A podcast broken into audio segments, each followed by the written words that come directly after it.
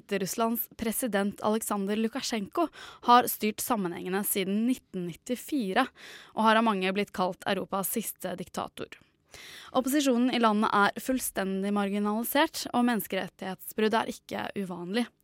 Etter fjorårets presidentvalg, der Lukasjenko ble valgt for femte periode, gikk EU ut og mente at valget var så åpent og rolig som mulig, og besluttet å oppheve de ti år lange sanksjonene mot landet.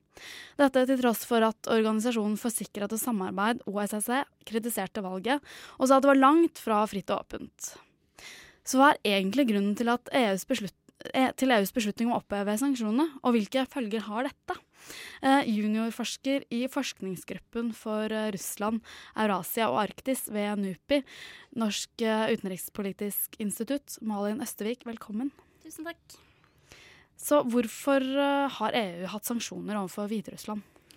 De har hatt sanksjoner overfor Hviterussland siden 2004, og det har vært eh, som en slags eh, korreks til den negative demokratiske utviklingen som man har sett siden da. Eh, de startet i 2004 og har, eh, og har siden det blitt eh, utvida kontinuerlig i forbindelse med ulike valg som har foregått. Så um, hva slags sanksjoner har det vært snakk om?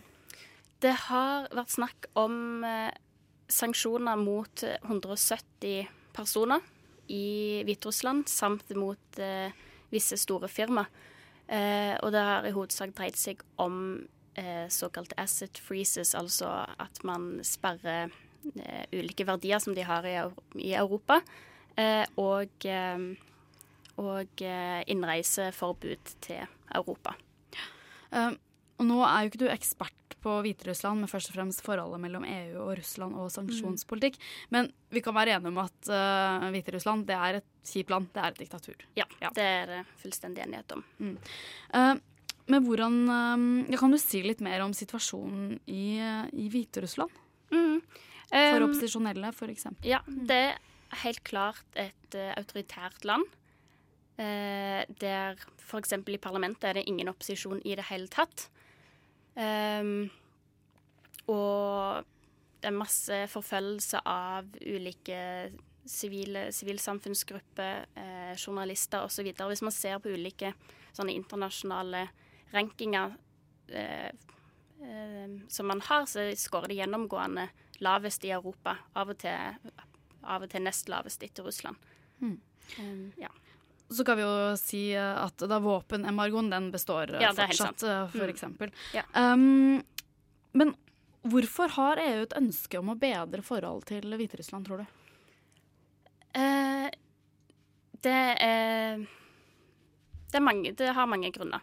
Uh, først og fremst så mener, sier EU sjøl at de har sett visse tendenser siden, særlig siden valget i høst i Hviterussland, som de mener er eh, positive med tanke på demokratiutvikling og lignende, og det ønsker de å støtte opp om. Um, I tillegg så har faktisk, foruten om sånn konkrete hendelser som har eh, som har skjedd i Hviterussland, så har òg eh, hviterussiske politiske ledere på veldig høyt nivå og gitt uttrykk overfor europeiske ledere at de ønsker tettere samarbeid. Um, ja. Men, Men Hviterussland har spilt en rolle som megler mellom Russland og Ukraina i anledning mm. annekteringen av Krim? Ja, for det òg går litt på dette med at man ønsker å støtte opp om en positiv utvikling. De mener selv at de har sett visse demokra positive demokratiske utviklinger. I tillegg så har Hviterussland spilt en veldig konstruktiv rolle i forbindelse med Minsk-avtalene og Minsk 2-avtalen mellom Russland og Ukraina. Og for så vidt Frankrike og Tyskland òg. Um, og fasilitert for de avtalene. Og det er òg noe de sier at de ønsker å uh, hva skal man si, takke mm.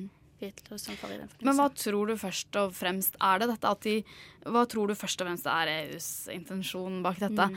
Er det at um, man ønsker, som du sier, at, uh, å starte en slags dialog for å faktisk bedre menneskerettighetssituasjonen. Det har jo ikke hjulpet med disse sanksjonene sånn sett. Mm. Eller er det egentlig mer sånn ren realpolitikk?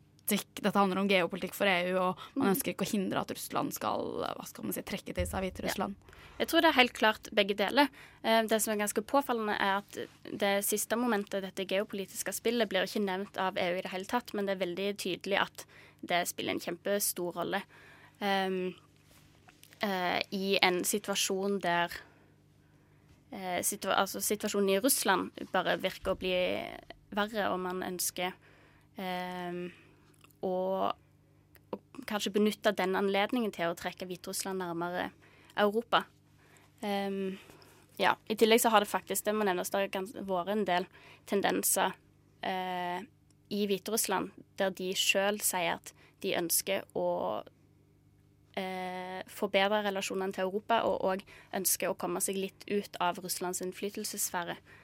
Um, ja. men, det, uh, men, som sagt, uh, Hviterussland absolutt uh, et diktatur. Forfølger mm. sine opposisjonelle. Ja. Da virker det litt rart, da, for å si det forsiktig, at EU mm. opphever disse sanksjonene.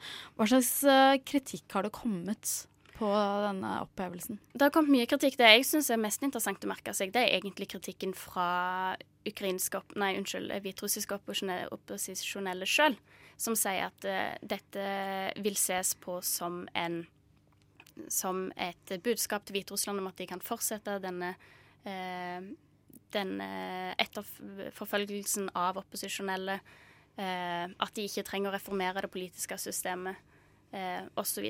Så, de er de som har kritisert eh, kritisert et initiativ fra EU absolutt aller mest. Mm, og så har det vært en FN-utsending på plass i Hviterussland mm. som også Det har det. De har ikke eh, Det har vært en FN-utsendelse eh, til Hviterussland som kom med en rapport i januar eller februar som sa at de har faktisk ikke sett noen bedring av eh, men, menneskerettighetssituasjonen.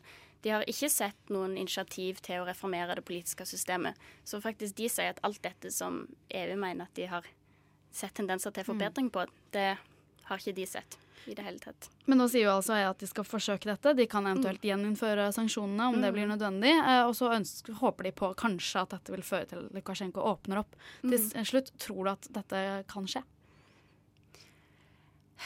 Det er vanskelig å si. Kanskje. Uh, men jeg tror det viktigste er kanskje å høre på de som sjøl kommer derfra, og som sier at dette er en dårlig politikk. Og det tror jeg, jeg tror det er de som vet best. Mm.